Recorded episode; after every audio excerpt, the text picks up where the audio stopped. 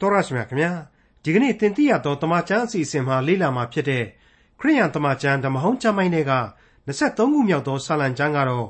ယေရှုခရစ်တော်ကိုမိမိရဲ့ကယ်တင်ပိုင်ရှင်သခင်ဖရာအဖြစ်လက်ခံယုံကြည်ကိုးကွယ်ကြတဲ့ခရိယန်တွေထဲမှာလူသိအများဆုံးလူကြိုက်အများဆုံးရေပန်းအစားဆုံးကျမ်းဖြစ်ပါတယ်23ခုမြောက်သောဆာလံကျမ်းထဲမှာအကျွန်ုပ်ကိုချမ်းသာစေပါ၏ဆိုတဲ့စကားပါရှိပါတယ်ကယ်တင်ရှင်ယေရှုခရစ်တော်အဖင် ထာဝရရှင်မြတ်စွာဘုရားသခင်ကိုယုံကြည်ကိုးကွယ်သူတိုင်းကားစီးတိုက်ဆောက်ငွေကြေးဥစ္စာဒနာပစ္စည်းချမ်းသာကြွယ်ဝစေမယ်လို့ဆိုလိုပါသလားအဲ့ဒီလိုဆိုရိုးအမှန်ဆိုရင်ဒီကနေ့ခရိယန်တိုင်းကားစီးတိုက်ဆောက်နေကြတဲ့လူချမ်းသာတထေးတွေကြီးပဲဖြစ်ရပေမပေါ့အခုတော့အဲ့ဒီလိုဟုတ်ပါသလားဒါဆိုရင်ဘယ်လိုချမ်းသာစေမှာလဲအကျွန်ုပ်၏ရန်သူတို့ရှေ့မှာအကျွန်ုပ်အဖို့စပွဲကိုခင်းတော်မူ၏လို့လည်းပါရှိပါတယ် ရန်သူတွေအပေါ် အစဉ်အောင်ပွဲဆင်မယ်လို့ ဆိုလိုတယ်ဆိုရင် ညှဉ်းပန်းနှိပ်စက်မှုတွေ ခံစားနေကြရတဲ့ ခရိယန်ဆိုတာ မရှိရဘူးပေါ့ ဒါဆိုရင်ဖျားရှင်က ခရိယန်တွေရှေ့မှာ ဘယ်လိုစပွဲမျိုးကို ခင်းမှလဲဆိုတဲ့ ရှင်းလင်းချက်နဲ့အတူ23ခုမြောက်သော စာလံကျမ်းကို ဒေါက်တာထွန်းမြတ်အေးက အခုလို လေ့လာသုံးသပ် ရှင်းလင်းဖော်ပြထားပါတယ် သင်သိရသောတမန်ကျမ်းရဲ့ မိတ်ဆွေတော်တတ်ရှင်အပေါင်းတို့ခမညာဒီကနေ့အဖို့မှာတော့ ကျွန်တော်ရဲ့အစီအစဉ်ဟာမိတ်ဆွေတို့စောင့်မျှော်နေတဲ့အစီအစဉ်လေးတစ်ခုဖြစ်လိမ့်မယ်လို့ကျွန်တော်ထင်မိပါတယ်။ဘာဖြစ်လဲဆိုတော့ယုံကြည်သူတိုင်းလူလူနှစ်သက်မြတ်နိုးစွာနဲ့အာဂုံဆောင်လေးရှိတယ်လို့လူတ attva တို့ရဲ့စိတ်ဓာတ်နဲ့ဝိညာဉ်ခွန်အားများကိုလေအလွန်ပေးစွန်းနိုင်လွန်းလှတဲ့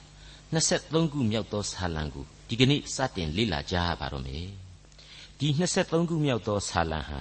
မိษွေတို့အားလုံးအလွတ်ရတဲ့ဆာလံမဟုတ်ဘူးလား တိုက်တိုက်ဆိုင်ဆိုလို့ဒီကနေ့သင်သိရသောတမန်ကျန်အစီအစဉ်ဟာအစီအစဉ်အမှတ်666ဖြစ်နေတော့ကျွန်တော်ကဒီနေရာမှာတယောက်တည်းပြုံးမိပါတယ်ကျွန်တော်ယုံကြည်သူခရိယန်များဟာဗျာဒိတ်ကျမ်းကိုဖတ်ရှုရင်တွေ့ရှိနိုင်တဲ့ antichrist လို့ခေါ်တဲ့ antichrist သို့မဟုတ်ခရစ်တော်ဆန့်ကျင်ရေးသမားစာရမဏတ်ကြီးဟာ666အမှတ်တစိမ့်နဲ့ကဘာမြေကြီးပေါ်ကိုတနေ့ကြာရင်ပေါ်ထွန်းလာမယ်ဆိုတာကိုလူအများစုကယုံကြည်ထားရလို့ဖြစ်ပါတယ် ယုံကြည်ထားကြလို့ဖြစ်ပါတယ်ဒါနဲ့ပတ်သက်လို့ကတော့ဗျာဒိတ်ကျမ်းရောက်လို့ရှိရင်ကျွန်တော်တို့ဆက်ပြီးရှင်းရမှာတွေအများကြီးပါဒီကနေ့ဖို့အဲ့ဒီလူတိုင်းယုံကြည်နေတဲ့စာရအမှတ်အသားအမှတ်666ဟာ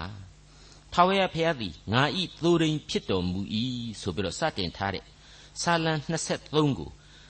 ကျွန်တော်တို့အားလုံးနှစ်သက်နေတာကိုသိထားတဲ့အတွက်ကြောင့်သူကိုယ်တိုင်လာရောက်ပြီးတခုခုသတိပေးလာတယ်လို့ကျွန်တော်ကကိုယ့်အတွေးနဲ့ကိုယ်ပြုံးမိခြင်းဖြစ်ပါတယ် တနည်းအားဖြင့်လူတိုင်းအာကုံဆောင်တတ်တဲ့ဆာလံ23သင်ခန်းစာတွေကိုကြားရောက်လာတဲ့ညမှာမှလာပြီးတော့စာရမဏတ်ရဲ့အမှတ်အသား666ဟာလာရောက်သတိပေးလာခြင်းဖြစ်တယ်လို့ကျွန်တော်ခံယူပါတယ်အထူးသဖြင့်ငါဤသိုးရင်းဖြစ်တော်မူသောဘုရားသခင်ကိုသာမြဲမြဲဖက်တွေမထားရင်တော့မင်းတို့မှာဝိညာဉ်ခွန်အားသာမရှိဘူးဆိုရင်တော့မင်းတို့အနာမှာအဲ့ဒီ666အမှတ်အသားနဲ့စာရမဏတ်ကြီးဟာစောင့်ပြီးတော့ အချိန်မရွေးဘဝပြည့်အောင်ဖျက်လိမ့်မယ်ဟိဆိုပြီးတော့နှုတ်ကပတ်တော်ကနေတွယ်ဝိုက်သောနီးနဲ့သတိပေးလိုက်ခြင်းများလားလို့ကျွန်တော်တွေးတောမိခြင်းဖြစ်ပါတယ်ပြုံးမိခြင်းဖြစ်ပါတယ်မိษွေအပေါင်းတို့23ခုမြောက်သောဆာလံဟာထာဝရဘုရားသည်ငါ၏သိုးရင်းဖြစ်တော်မူ၏လို့အစပြုထားပါတယ်ခရစ်တော်သည်ကယ်တင်ရှင်ကြီးဆိုတဲ့တစ္ဆာတရားကိုနားလည်စေမယ့်ကြံကြီးပဲဖြစ်ပါတယ်ဒီကျမ်းကိုလေ့လာရမှာပြီးခဲ့တဲ့ဆာလံ22ကိုကျွန်တော်တို့မေ့ချန်မထားဘဲနဲ့ ဆက်ဆက်လေ့လာသင့်တယ်လို့ကျွန်တော်ထင်ပါတယ်အဲ့ဒီ22ခုမြောက်သောဆာလံမှသည်23ခုမြောက်သောဆာလံစီတို့တိုင်အောင်လေ့လာပြီးတဲ့အခါမှာတော့လာမယ့်24ခုမြောက်သောဆာလံဟာလေဒီသင်္ကန်းစာတွေကိုထပ်မံဆက်ဆက်ပြီးပြီးသွားလိမ့်အောင်မယ်ဒီကျမ်းအပေါင်းတို့ဟာထူးခြားသောဝိညာဉ်သင်ခန်းစာများကိုပြီးသွားလိမ့်မယ်ဆိုတာကိုကျွန်တော်ကြိုတင်ဖော်ပြထားနှင်ကြပါတယ်အကြမ်းပြင်းလောက်တင်ပြရမယ်ဆိုရင်22ခုမြောက်သောဆာလံဟာ The Good Shepherd သို့မဟုတ် ကောင်းသောသိုးရင်းကြီးအကြောင်းကိုဖော်ပြတယ်လို့ကျွန်တော်တို့ဆိုနိုင်ပါတယ်ရှင်ယောဟန်ခရစ်ဝင်ကျမ်းအခန်းကြီး30အငယ်7မှာကြည့်လိုက်ရင်ငါသည်ကောင်းသောသိုးရင်းလည်းဖြစ်၏ကောင်းသောသိုးရင်းသည်သိုးတို့အဖို့အလို့ငှာမိမိအသက်ကိုစွန့်တတ်၏ဆိုပြီးတော့ဖော်ပြထားပါတယ်ဒီတော့အခု22ခုမြောက်သောဆာလံကဆူဖွဲ့ခဲ့တဲ့အသက်စွန့်မေတ္တာတော်နဲ့ကယ်တင်ရှင်ရဲ့ကားတိုင်တော်ဇလန်းဟာအသက်ပေး၍ရွေးခဲ့သည်ဆိုတဲ့ကျေးဇူးတရားကိုအခြေခံဖော်ပြထားလိုက်တယ်လို့ ကျွန်တော်တို့မြင်နိုင်ပါလိမ့်မယ်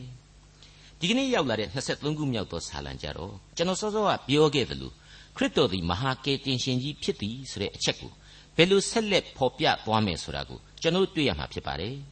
အဲ့ဒီ23ခုမြောက်သောဆာလံနဲ့ပတ်သက်လို့ရှင်းလင်းချက်တစ်ခုကိုတော့ဟေဘရဲဩဝါဒစာနဲ့အကိုအကားပြုပြီးကျွန်တော်ဖော်ပြခြင်းပါတယ်ဟေဘရဲဩဝါဒစာအခန်းကြီး73အငယ်20နဲ့21ကိုကြည့်ကြပါစို့ထာဝရဗြိညင်တရားဤအသွေးတော်အားဖြင့် သိုးများကိုထိန်တော်တိုးရင်းကြီးဖြစ်တော်မူသောငါတို့သခင်ယေရှုကိုသေခြင်းမှနှုတ်ဆောင်တော်မူသောငြိမ်သက်ခြင်း၏အရှင်ဘုရားသခင်သည်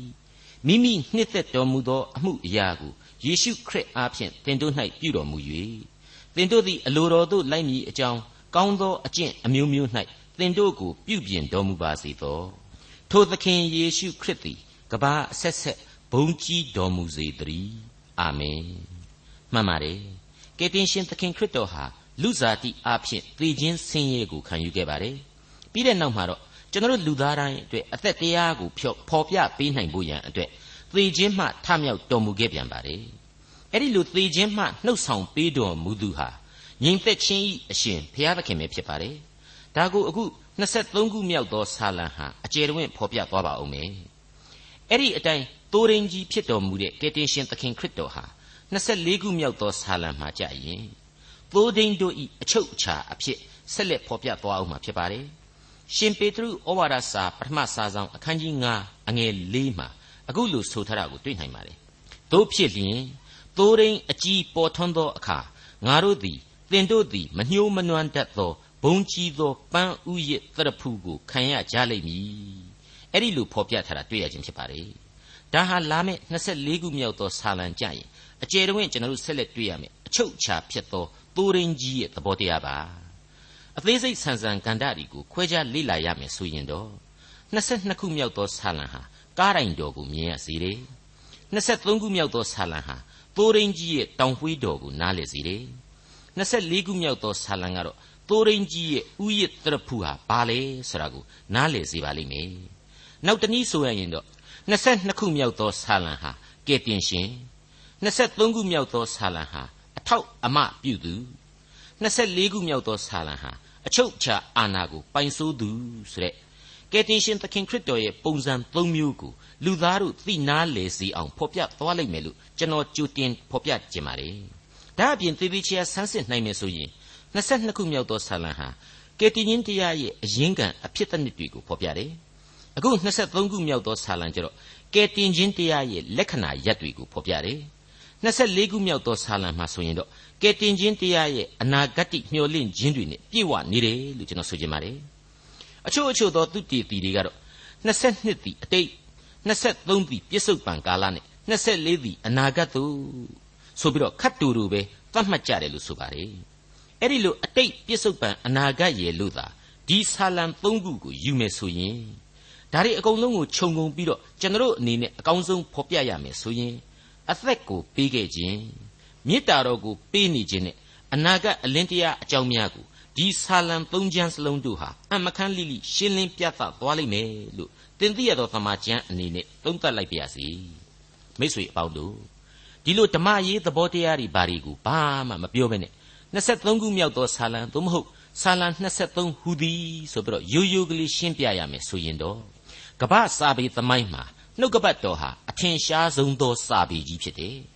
အဲ့ဒီအထဲမှာမှဒီဆာလံ23ဟာအကျယ်ပြန့်ဆုံးနဲ့အများဆုံးအသုံးပြုခြင်းခံရသောကျမ်းတစုဖြစ်တယ်ဒီ23ခုမြောက်သောဆာလံဟာဂျူးဝါဒီရှေးရိုးဆွဲ Orthodox ခေါ်ခေဟောင်းလမ်းစဉ်ခရိယန် Roman Catholic ခရိယန်နဲ့တကွဒီကနေ့စိတ်စိတ်အမွှာမွှာကွဲနေသောခရိယန်ယုံကြည်သူဂိုင်းကနများအားလုံးနဲ့အရင်ပါအနီးဆက်ဆုံးသောကျမ်းကြီးဖြစ်တယ် ရှင်းရှင်းပြောရရင်တော့ကမ္ဘာလူအဖွဲ့အစည်းတွေကလူဦးရေ၃ပုံ၂ပုံဒါမှမဟုတ်ရင်ကမ္ဘာအကြီးအမားဆုံးသောအစိတ်အပိုင်းကြီးကိုဆာလံ23ရဲ့လင်္ကာယသများဟာလွှမ်းမိုးနေတယ်လို့ကျွန်တော်ဆိုချင်ပါတယ်အဲ့ဒီလောက်အထိဓမ္မပညာရေးရှုထောင့်ဝိညာဉ်ရေးအသိအမြင်ရှုထောင့်တို့ကိုထည့်မစင်စားဘဲနဲ့တောက်မှစာပေသဘောတဘာဝတစ်ခုတည်းနဲ့ကိုလွှမ်းမိုးနိုင်လွန်အားကြီးလာတဲ့တကိုးကြီးလာတဲ့ဆာလံတီချင်းအမှတ်စဉ်23ဟာဖြည်းဖြည်းချင်းရွတ်ဆိုလို့ တမိနစ်တဲ့ဘယ်လို့မှပို့ပြီးတော့မကြအောင်တူတော့ပါတယ်ကျမ်းငယ်အပိုင်းကလေး6ခုနဲ့သာဖွဲ့စည်းထားခြင်းဖြစ်တယ်ဆိုတာကိုသိစေချင်ပါတယ်သူဟာအလွန်အလွန်ရိုးစင်းရှင်းလင်းတဲ့စာပေစည်းရင်းထဲမှာထည့်သွင်းနိုင်တဲ့သိချင်းလင်္ကာတစ်ခုမျှသာဖြစ်တယ်ရွတ်ဆိုခြင်းစက္ကန့်အနည်းငယ်အတွင်းမှာခံစားချက်ကိုရိုးရိုးကလေးထိတွေ့နိုင်တယ် အဘိဓမ္မာသို့မဟုတ်ဒသနတစ်ခုအနေနဲ့ကြီးကြီးကျယ်ကျယ်သဘောထားเสียတောင်းမှရှိသောတချင်းကြီးတပုတ်လည်းမဟုတ်ဘူးလို့ကျွန်တော်တို့ခံယူမိပါတယ်အခု23ခုမြောက်သောဆာလံဟာသိုးရင်းတယောက်ရဲ့အရေးအငွေ့တွေပြည့်လျန်းနေတာကိုတွေ့ရတော့သူတေသနာသမားတွေရဲ့အုံနှုတ်တွေဟာပြောင်းဆန်အောင်စဉ်းစားပြီးတော့ဒီ23ခုမြောက်သောဆာလံကိုဒါဝိဒ်ရေးတာမှဟုတ်ရဲ့လားဟုတ်ရင်လဲဒါဝိဒ်ဒီလင်္ကာကိုသူကိုယ်တိုင်သိုးချောင်းသားဘဝမှာရေးတာပေါ့ ဒါမှမဟုတ်နောက်မှအတိတ်ကိုပြန်စဉ်းစားပြီးတော့တော်ဘုံဝရံပြေးကြီးဘဝမှာအသက်ဘေးကလွတ်မြောက်ရလို့ကျေးဇူးတော်ကိုချီးမွမ်းပြီးရေးတာပဲနေမှာပဲစသည်စသဖြင့်အမျိုးမျိုးတွေးကြခေါ်ကြတာတွေကိုကြားရပါတယ်အမှန်တော့ဒီဆာလံတို့ရဲ့အစုအဖွဲ့ဖွဲ့စည်းပုံအရာဒါဝိဒ်မင်းမှတပါအခြားဘသူကမှရေးခြင်းမဖြစ်နိုင်ပါဘူးဒါဝိဒ်မင်းကြီးဟာဘလောက်ပဲရှင်ဘရင်ကြီးဖြစ်လာလာသူ့ရဲ့ငယ်စဉ်တောင်ကြီးတိုးရင်းကလေးဘဝကိုမေ့လျော့မသွားနိုင်ဘူးဒါကြောင့်မလို့ဒီဆာလံတီချင်းကိုသူဟာသူ့ရဲ့ နန်းတော်ထဲမှာစာဆိုတော်ဘရင်ကြီးအဖြစ်နဲ့ကလောင်ကိုကင်ဆွဲရေးသားလိုက်ခြင်းပဲလို့ကျွန်တော်ပြတ်သားစွာဆိုကြပါတယ်ဟုတ်ပါတယ်ဒီဆာလံတီချင်းဟာဖြင့်ဒါဝိဒ်မင်းကြီးရဲ့နေဝင်လူစဲသောအချိန်ကာလတနည်းအားဖြင့်အလွန်အိုမင်းရင့်ရော်နေတဲ့အချိန်မှာအရွယ်မှာအတိတ်ကိုပြန်လဲအောက်မေ့ရင်စူဖွဲ့တဲ့လက္ခဏာရှိပါတယ်ဒီအခါမှာတော့နှလုံးသားရှိတဲ့လူသားတစ်ယောက်ရဲ့အသက်တာမှာခံစားရကျေးဇူးတော်များအကြောင်းကို အလွန်တရာစီးလုံးညီညွတ်တဲ့အရေးအဖွဲ့အားဖြင့်ဒီဆာလံတီချင်းဟာရှင်သန်ပေါ်ထွန်းလာရခြင်းပဲဖြစ်တယ်လို့ကျွန်တော်တို့ခံယူပါတယ်အဲ့ဒီလိုလူသားအမှုပညာရှင်ကြီးတယောက်ရဲ့အစ္ဆထစိတ်အစဉ်မှမြင်မဲ့ရတဲ့လင်္ကာယတခြင်းတစ်ပုဒ်ဟာသူဘယ်လို့မှမမျှော်မှန်းနိုင်အိမ်မက်ပင်မမက်နိုင်မှအသေးအချာဖြစ်တဲ့အနာဂတ်ရေးနေလေသွားရောက်ပြီးတော့ညီဆွဲနေခဲ့ပြန်ပါတယ်အဲ့ဒီအနာဂတ်ကာလတစ်ချိန်မှာထာဝရဘုရားစီရင်တော်မူတဲ့ကယ်တင်ခြင်းကျေးဇူးတော်ရဲ့ စေလွတ်တော်မူမဲ့ကယ်တင်ရှင်ရဲ့ဖော်ပြလိုသောအချက်တို့ရဲ့ဟာအလိုလိုအကျုံးဝင်ပြီးတော့နဲ့နဲတဲ့ဝိညာဉ်ရေးအဖြေများကိုဒီလင်္ကာယသတို့ကြားကနေဆက်လက်ပေါ်ထွက်လာစေလိမ့်မယ်လို့ကျွန်တော်ဖော်ပြလိုက်ပါတယ်။ထာဝရဘုရားသည်ငါဤသိုးရင်းဖြစ်တော်မူ၏။ငါသည်ဆင်းရဲမခံရစိမ့်လန်းသောကြက်စားရအရ၌ငါကိုအိတ်စီတော်မူ၏။သာယာသောမျက်နာသို့လမ်းပြတော်မူ၏။ငါကိုသိုးတကောင်လိုစောင့်ထိန်တဲ့သိုးရင်းကြီးဟာ စောင့်စားနေတယ်။ငါဟာဘာဆိုဘာမှတောင့်တနေဖို့မလိုဘူး။ဆန္ဒတွေပြင်းပြင်းပြပြပြုတ်နေဖို့မလိုဘူးအင်မတန်စိမ့်လန်းပြီးတော့ငိမ့်ချမ်းတဲ့မြက်ခင်းပြင်လိုနေရာမှာငါ့ကိုလဲလျောင်းနားနေခွင့်ပြုထားတယ်ပြီးတဲ့နောက်မှာတော့သာယာလှပစွာစီးဆင်းနေတဲ့မြင့်နာစီကိုဆက်လက်ပြီးသူပို့ဆောင်ပေးလိုက်တယ်ကဲလူသားရဲ့ဝိညာဉ်နဲ့ဘုရားသခင်ကြားမှာဘာကြားပွဲစားလူသေးတယ်လေ ဘာခရီးစရိတ်ဘာစားစရိတ်ကိုတင်ပြတောင်းဆိုနေဖို့လူသေးတယ်လေအကုန်လုံးဟာဓာတ်ရိုက်စောင့်ထိန်တော်မူခြင်းမဆိုင်မတွသောပြုစုတော်မူခြင်းတွေကြီးပဲဖြစ်နေတယ်ဆိုတာဟာရှင်းရှင်းကြီးပေါ်နေပြီမဟုတ်ဘူးလားသူ့ရဲ့ကားတိုင်းတော်ပေါ်မှာအသေးခံခြင်းအဝတ်ဗလာအချီးစီးနဲ့အရှက်တကွဲအသေးသက်ခံရခြင်းကောင်းကျင်ပုံရဲ့စွန့်ပစ်ခြင်းကိုခံယူတော်မူခြင်းတို့အကြောင်းကိုကျွန်တော်တို့ဆာလံ22မှာတုန်းကကြားနာခဲ့ကြပြီးပါပြီအဲ့ဒါတွေဟာကျွန်တော်တို့ကိုကယ်တင်ဖို့ဖြစ်တယ် အဲ့ဒီလိုအသေးခံတော်မူပြီးမှပြန်လဲရှင်ပြန်ထမြောက်တော်မူခြင်းဟာ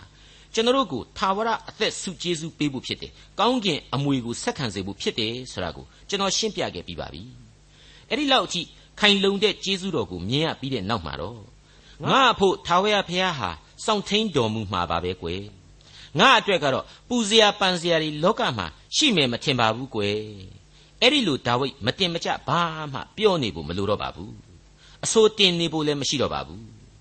ကြည်ညာဖို့သာလိုပါတယ်အဲ့ဒါကြောင့်လေသူ့ရဲ့ကြည်ညာချက်ဟာကျွန်တော်မိษွေတို့အသေးတဲ့အထိစူးနစ်သွားစီလောက်ပါတယ်ထာဝရဘုရားသည်ငါဤသိုးဒိန်ကြီးဖြစ်သည်တဲ့တဲ့ရှင်းတာတော့မရှိတော့ပါဘူးပြီးတော့မှဆင်းရဲမခံရဆိုတာကိုအင်္ဂလိကန်တို့အသုံးပြုတဲ့သမာကျမ်းစာကဖော်ပြတာဟာပို့ပြီးတော့စကားပြေဆံပါတယ်ငါသည်လိုလေသေးမရှိရတဲ့ဘလောက်လှတယ်လေဟုတ်တယ် သိုးတကောင်နဲ့နှိုင်းဆရတဲ့ကို့ဘဝမှာသေချာတွေးရင်ဘေးလွတ်ဖို့လိုတယ်ကြားဝင်အဆွဲမခံရဘူးလိုတယ်ဂျိုင်တဲကိုလိတ်မကြဘူးလိုတယ်လမ်းမပြောက်ဖို့လိုတယ်စသဖြင့်လိုတာတွေကတော့အများကြီးပဲဒါပေမဲ့သိုးရင်းကြီးဖြစ်တဲ့ကဲတင်ရှင်ကြောင့်ဘာမှလူလီသေးမရှိဘူးစိတ်ဆင်းရဲစရာအကြောင်းလည်းဘာမှမရှိတော့ဘူးတဲ့ဒါကိုလေဒါဝိမင်းကြီးဟာပျော့ပြဲပြဲဆိုခြင်းမဟုတ်ပါဘူးဝသဝရောမဟုတ်ပါဘူးမပီမပြင်းမပြောပါဘူးငါသည်ဆင်းရဲမခံရ အခိုင်အမာကြည်ညာလိုက်ခြင်းပဲမိษွေအပေါင်းတို့ကျွန်တော်အညာမှာနေတော့ကသိုးမွေးမြူတဲ့ခြံတစ်ခုကိုရောက်ခဲ့ပူပါတယ်မိษွေတယောက်ကခေါ်သွားတဲ့တကြောင်ရောက်ခဲ့ပူခြင်းပါသူကနှုတ်ကပတ်တော်ကိုပြည့်ရပြုတ်ခြင်းသလားတော့မဆိုနိုင်ဘူးပြည့်ရပြုတ်ခြင်းတဲ့သဘောလားတော့မဆိုနိုင်ဘူး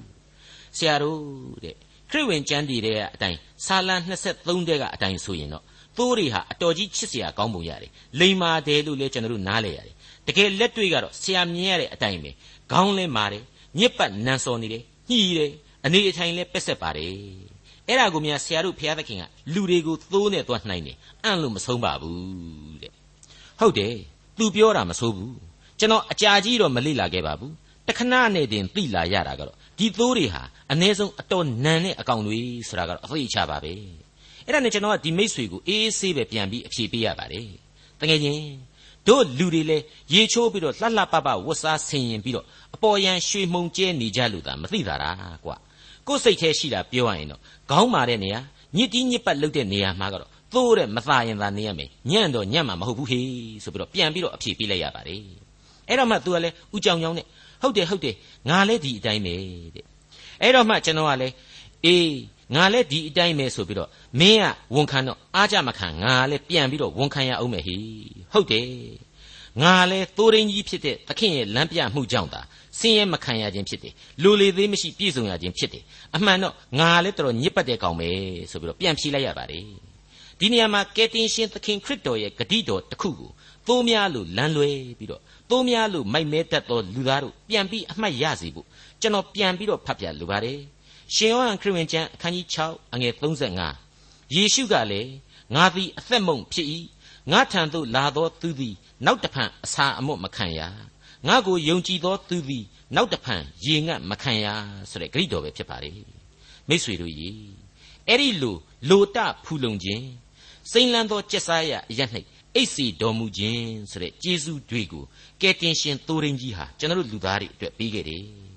သာယာသောမျက်နှာသို့လမ်းပြတော်မူ၏ဆိုတဲ့အချက်ရှိပါသေးတယ်။ဒါဟာဘလောက်လေးနဲ့တလဲဆိုတာကျွန်တော်ဖြင့်တွေးတောင်မတွေးနိုင်ပါဘူး။သိုးတွေဟာလှိုင်းပုတ်တဲ့ရေကိုကြောက်တယ်လို့ရေတွေကိုလည်းသူတို့ကမကြိုက်ကြပြန်ဘူး။သူတို့သဘာဝမှာကိုကညင်ညင်ညောင်ညောင်စီးဆင်းနေတဲ့ရေပြင်ကိုသာကြိုက်တယ်။အဲ့ဒီရေကြိုကိုသာဆင်းပြီးတော့တောက်ချင်တဲ့အမျိုးအစားဖြစ်တယ်။အဲ့ဒါဟာကျွန်တော်လူနှလုံးသားရဲ့သဘောတဘာဝပဲနာနာနေနေရှိခြင်းတဲ့ဆန္ဒ သက်တောင့်သက်သာကလေးပဲရှင်သန်ခြင်းတဲ့လူသားရဲ့သဘာဝကိုဘုရားသခင်သိတယ်မောပန်းနွန်းနေတဲ့အသက်တာမှာအနာယူလိုကြတယ်ဆိုတဲ့လူသဘာဝကိုဘုရားသခင်သိထားပြီးနှင့်ပြီးဖြစ်တယ်မဟုတ်ဘူးလားဒါဝိမင်းကြီးကိုယ်တိုင်ဟာငါသည်ဂျိုးငှဲ့ကဲ့သို့အတောင်ကိုရပါစီသောထို့သောရလျင်အခြားသို့ပြန်သွား၍ငြိမ်ဝတ်လျက်နေလိမ့်မည်တဲ့အဲ့လိုသူဖော်ကျူးခဲ့တယ်ဟုတ်ပါတယ်ပင်ပန်းဆင်းရဲခြင်းကနေဝေးကျင်ခဲ့တဲ့ဒါဝိဒ်မင်းကြီးဟာ သူ့ရဲ့ဆာလံ55မှာအဲ့ဒီအတိုင်းဖော်ပြထားခဲ့ခြင်းပါငါသည်ဂျိုးငှဲ့ကဲ့သို့အတောင်ကိုရပါစေသောထို့သောရလျင်အခြားသို့ပြန်သွား၍ငြိမ်ဝတ်လျက်နေလိမ့်မည်တဲ့ဒီနေရာလေးမှာဝန်လေး၍ပင်ပန်းသောသူအပေါင်းတို့ငါထံသို့လာကြလော့ငါသည်ချမ်းသာပေးမည်ဆိုတဲ့ကယ်တင်ရှင်ရဲ့ဖိတ်ခေါ်သံကိုလေကျွန်တော်ပြန်လဲအမှတ်ရကြပါစို့မိษွေတော်တတ်ရှင်အပေါင်းတို့အခုအချိန်မှာတော့ ကျွန်တော်လူသားများအတွက်စိတ်ဝိညာဉ်ခွန်အားများပြည့်ဝအောင်လို့တိုးရင်းကြီးဖြစ်တဲ့ကယ်တင်ရှင်ရဲ့ပြုတော်မူသောကျေးဇူးတော်အကြောင်းကိုဖော်ပြခဲ့ပါပြီဆက်လက်ပြီးတော့ကယ်တင်ရှင်တိုးရင်းကြီးဤမနောဆိုပြီးတော့ဆက်လက်တင်ပြခြင်းပါတယ်မနောဆိုတာဟာစိတ်အစဉ်ကိုဆိုလိုပါတယ်အတွင်းနှလုံးသားလို့လည်းပြောလို့ရပါတယ်စိတ်ဓာတ်စသဖြင့်လေကျွန်တော်ခံယူလို့ရနိုင်တဲ့အကြောင်းများကိုဒီနေရာမှာကျွန်တော်ကဖော်ပြထားနိုင်ခြင်းပါတယ်23ခုမြောက်သောဇာလံအငယ်3နဲ့4ငါဝိညာဉ်ကိုအားဖြည့်၍ နာမတော်အဖို့အလို့ငှာတရားလမ်းတဲ့၌သွေးဆောင်တော်မူ၏အကယ်၍သင်မိ၏လွှမ်းမိုးသောဂျိုင်တဲသို့လျှောက်သွားရတော်လေဘေးအန္တရာယ်ကိုမကြောက်ပါအကြောင်းမူကားကိုတော်သည်အကျွန်ုပ်နှင့်အတူရှိတော်မူသည်ဖြစ်၍လှန်တန်တော်နှင့်တောင်ပွေးတော်သည်အကျွန်ုပ်ကိုချမ်းသာစေပါ၏ငါဝိညာဉ်ကိုအားဖြည့်၍ဆရာဟာဒါဝိဒ်ကိုယ်တိုင်အသေးဆွဲလောက်အောင်ထိတွေ့နေရတဲ့လက်တွေ့ခန်းစားရကျေးဇူးတော်လို့ကျွန်တော်ဆိုချင်ပါတယ်သူဟာအပြစ်တွေအမျိုးမျိုးကိုကျူးလွန်ခဲ့ပါတယ်ပျောက်သောလမ်းမှာစံတဝါဆိုတဲ့ သိုးမိုက်တကောင်လိုဖြစ်ခဲ့တယ်ဆိုတာဟာရာဇဝင်မှတ်တမ်းတွေအရအခိုင်အခန့်ကျွန်တော်တို့တွေ့နိုင်ပါတယ်အဲ့ဒီအမှောင်မှတ်တမ်းတွေတဲကမှဘုရားသခင်ရဲ့ကျေးဇူးတော်အားဖြင့်အဲ့ဒီအပြစ်ဒဏ်တွေကိုသူဟာခံယူနိုင်စွမ်းရှိခဲ့တယ်ဆိုတာဟာလေအလင်းတန်းကြီးလိုထင်းနေခဲ့တာပါပဲနာမတော်အဖို့အလို့ငါတရားလမ်းတဲ့မှာသွေးဆောင်တော်မူ၏တဲ့ဒီအပိုင်းမှာကျတော့သူသွေးဆောင်တာကိုကျွန်တော်တို့ကလိုက်ပါတယ်ခမညာဆိုတာမျိုးဒါဝိဒ်ထည့်သွင်းမထားပါဘူး ရှင်ယောဟန်ခရစ်ဝင်ကျမ်းအခန်းကြီး30အငယ်25ကနေ30အတွင်းကိုဖတ်ကြည့်ရင်အခုလိုကျွန်တော်တို့တွေ့ရပါတယ်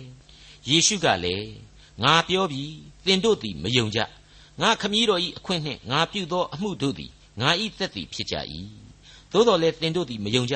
အဘယ်ကြောင့်မယုံကြသနည်းဟုမူကားသင်တို့သည်ငါသိုးတို့အဝင်မဟုတ်အထက်ကငါပြောသည့်အတိုင်းငါသိုးတို့သည်ငါစကားသံကိုနားထောင်၍ငါနောက်သို့လိုက်ကြ၏ထိုသိုးတို့ကိုငါသိ၏ ထာဝရအသက်ကိုလည်းငါပေး၏ထိုသိုးတို့သည်ပျက်စီးခြင်းနှင့်အစင်မပြတ်ကင်းလွတ်ကြလိမ့်မည်အဘယ်သူမျှထိုသိုးတို့ကိုငါလက်မှမနှုတ်မယူရထိုသိုးတို့ကိုငါ၌အပ်ပေးတော်မူသောငါခမည်းတော်သည်ခတ်သိမ်းသောသူတို့ရဲ့ကြီးမြတ်တော်မူသည်ဖြစ်၍အဘယ်သူမျှထိုသိုးတို့ကိုငါခမည်းတော်ဤလက်မှမနှုတ်မယူနိုင်ရာငါသည်ငါခမည်းတော်နှင့်တလုံးတဝသည်ဖြစ်သည်ဟုမိန့်တော်မူ၏မိတ်ဆွေအပေါင်းတို့ခမညာ သခင်ကဘလောက်ပဲဥဆောင်ပြီးတော့ခေါ်ယူနေပြီမေကိုဟာအမှန်တကယ်သူ့နောက်တော်ကိုလိုက်နိုင်ရဲ့လားသူ့စကားသံကိုနားထောင်နာယူနိုင်ရဲ့လားသူဆိုတဲ့သိုးရင်းကြီးရဲ့မေတ္တာရိပ်မှာခိုဝင်နေကြရဲ့လားသူကတော့သူ့ရဲ့သိုးစုအဝင်သာဖြစ်ပါစေပျက်စီးခြင်းနဲ့ကင်းလွတ်စေရမယ်ထာဝရအသက်ကိုရရှိရစေမယ်ကောင်းကင်ဘုံရှင်အဖဖျားသခင်နဲ့တလုံးတဝတည်းရှိရလိမ့်မယ်လို့အခိုင်အမာဂရိပြုလိုက်ပါပြီအကယ်၍ သေမင်းရိပ်လွှမ်းမိုးရာကြိုင်တဲ့သူရှောက်သွားရတော့လေဘေးအန္တရာယ်ကိုမကြောက်ပါဆိုတာ ਨੇ ပတ်သက်ပြီးတော့အကယ်၍လေးတလုံးပါတဲ့အတွက်ကြောင့်အများစုကဒီအပိုင်းအရာကိုသေးလူမျိုးပါဖြစ်နေတဲ့အချိန်ကိုနေဝင်ချိန်မှာဘုရားသခင်ရှိတဲ့အတွက်ဒီသေမင်းကိုကြောက်เสียမလိုဘူးဆိုတာကိုဒါဝိဒ်ရေးလိုက်တာပဲဆိုပြီးတွေးကြပါတယ်တနည်းအားဖြင့်တော့နောက်ဆုံးသေရမယ့်အချိန်ကာလအတွက်ဆူတောင်းချက်လို့ခံယူကြပါတယ်ကျွန်တော်ကတော့အဲ့ဒီအယူအဆဟာလေမှန်တယ်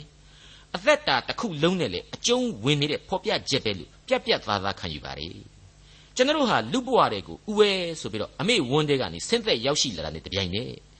နောက်ဆုံးသောအချိန်ဆိုတဲ့သေခြင်းပန်းနိုင်ကိုရှောက်သွားကြရတာကြီးပဲမို့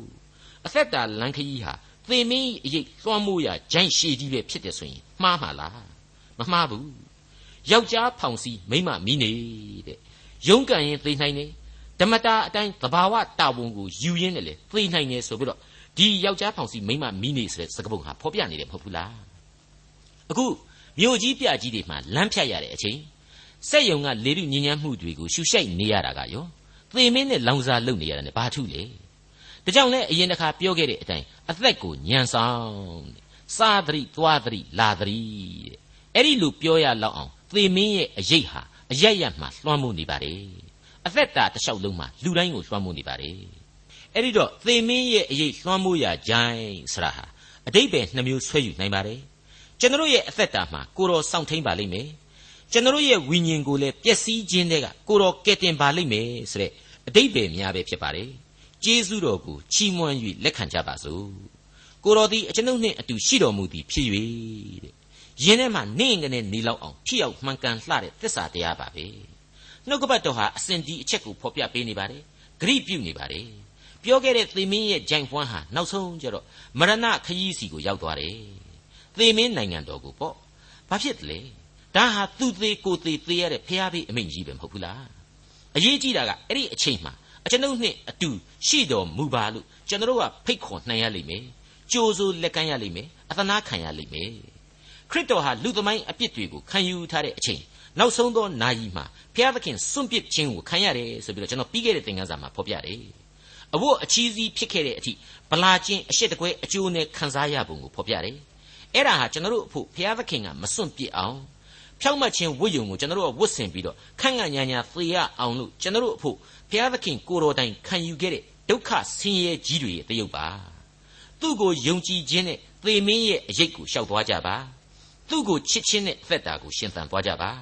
ကိုတော်သည်အကျွန်ုပ်တို့နှင့်အတူအစဉ်ရှိတော်မူ၏တဲ့ဒါကြောင့်မို့ဘာမှကြောက်เสียမရှိဘူး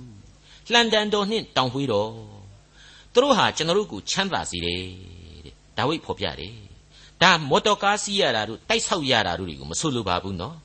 လူတို့ကြံစည်၍မမိနိုင်အောင်ရှိသောဝမ်းမြောက်ခြင်းနဲ့ငြိမ်သက်ခြင်းကိုတပေါင်းတစည်းတည်းဆိုလိုတာပဲဖြစ်ပါလေဖျားသခင်ဟာကျွန်တော်တို့ကိုနှုတ်ကပတ်တော်အဖြစ်ချမ်းသာရာလမ်းကိုညွှန်ပြပါတယ် အနန္တတကိုးတော်နဲ့ကာကွယ်ဆောင်ရှောက်နေပါတယ်အတိတ်ကာလလူမျိုးတော်ရဲ့သမိုင်းတလျှောက်မှာဒီသက်သေသာရကတွေဟာအထင်ရှားရှိခဲ့ပြီးသားဖြစ်ပါတယ်ကျွန်ဘဝဆိုတဲ့အပြည့်ရိတ်ကနေရုံထွက်လာချိန်မှာဘာဆိုဘာမှအခြေခံလူလိုအပ်ချက်တွေမရှိခဲ့တဲ့လူနှစ်သန်းခန့်လို့ကျွန်တော်တို့ခံမှန်းရတဲ့ကျွန်တွေကိုဘုရားသခင်စောင့်ထင်းခဲ့ပါတယ်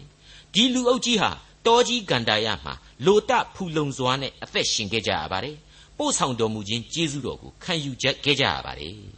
ဒါကိုမိษွေတို့ထွက်မြောက်ရာကြမ်းမှာရှင်းရှင်းကြီးတွေ့ခဲ့ရပြီးသားပါကျွန်တော်အထူးပြောနေစရာမလိုတော့ပါဘူး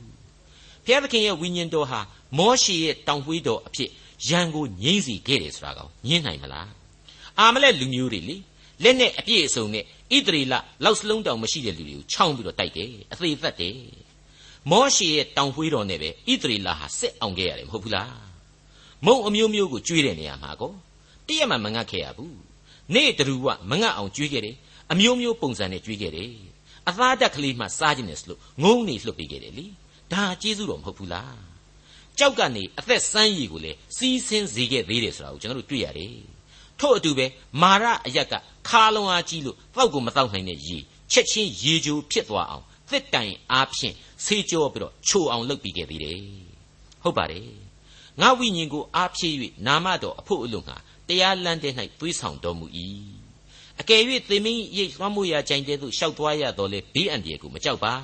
အကြောင်းမူကားကိုတော်သည်အကျွန်ုပ်နှင့်အတူရှိတော်မူသည်ဖြစ်၍လှန်တန်တော်နှင့်တောင်ဖွေးတော်သည်အကျွန်ုပ်ကိုချမ်းသာစေပါ၏မိษွေအပေါင်းတို့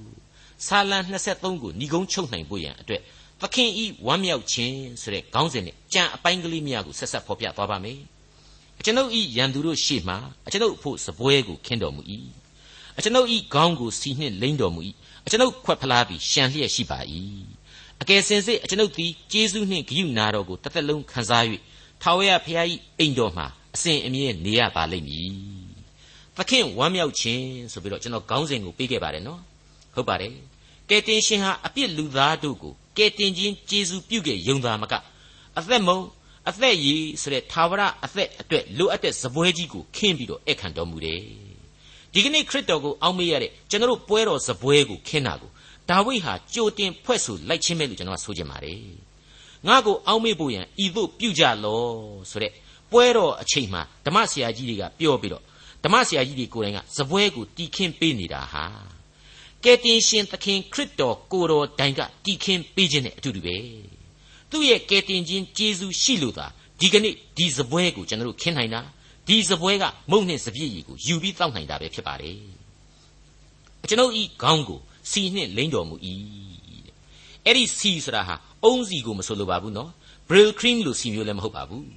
တန်ရှင်းသောဝိညာဉ်တော်နှင့်ချီးမြှောက်ခြင်းပဲကျွန်တော်တို့ခေါင်းကိုတန်ရှင်းသောဝိညာဉ်တော်နှင့်ပတ်ရခြင်းပဲ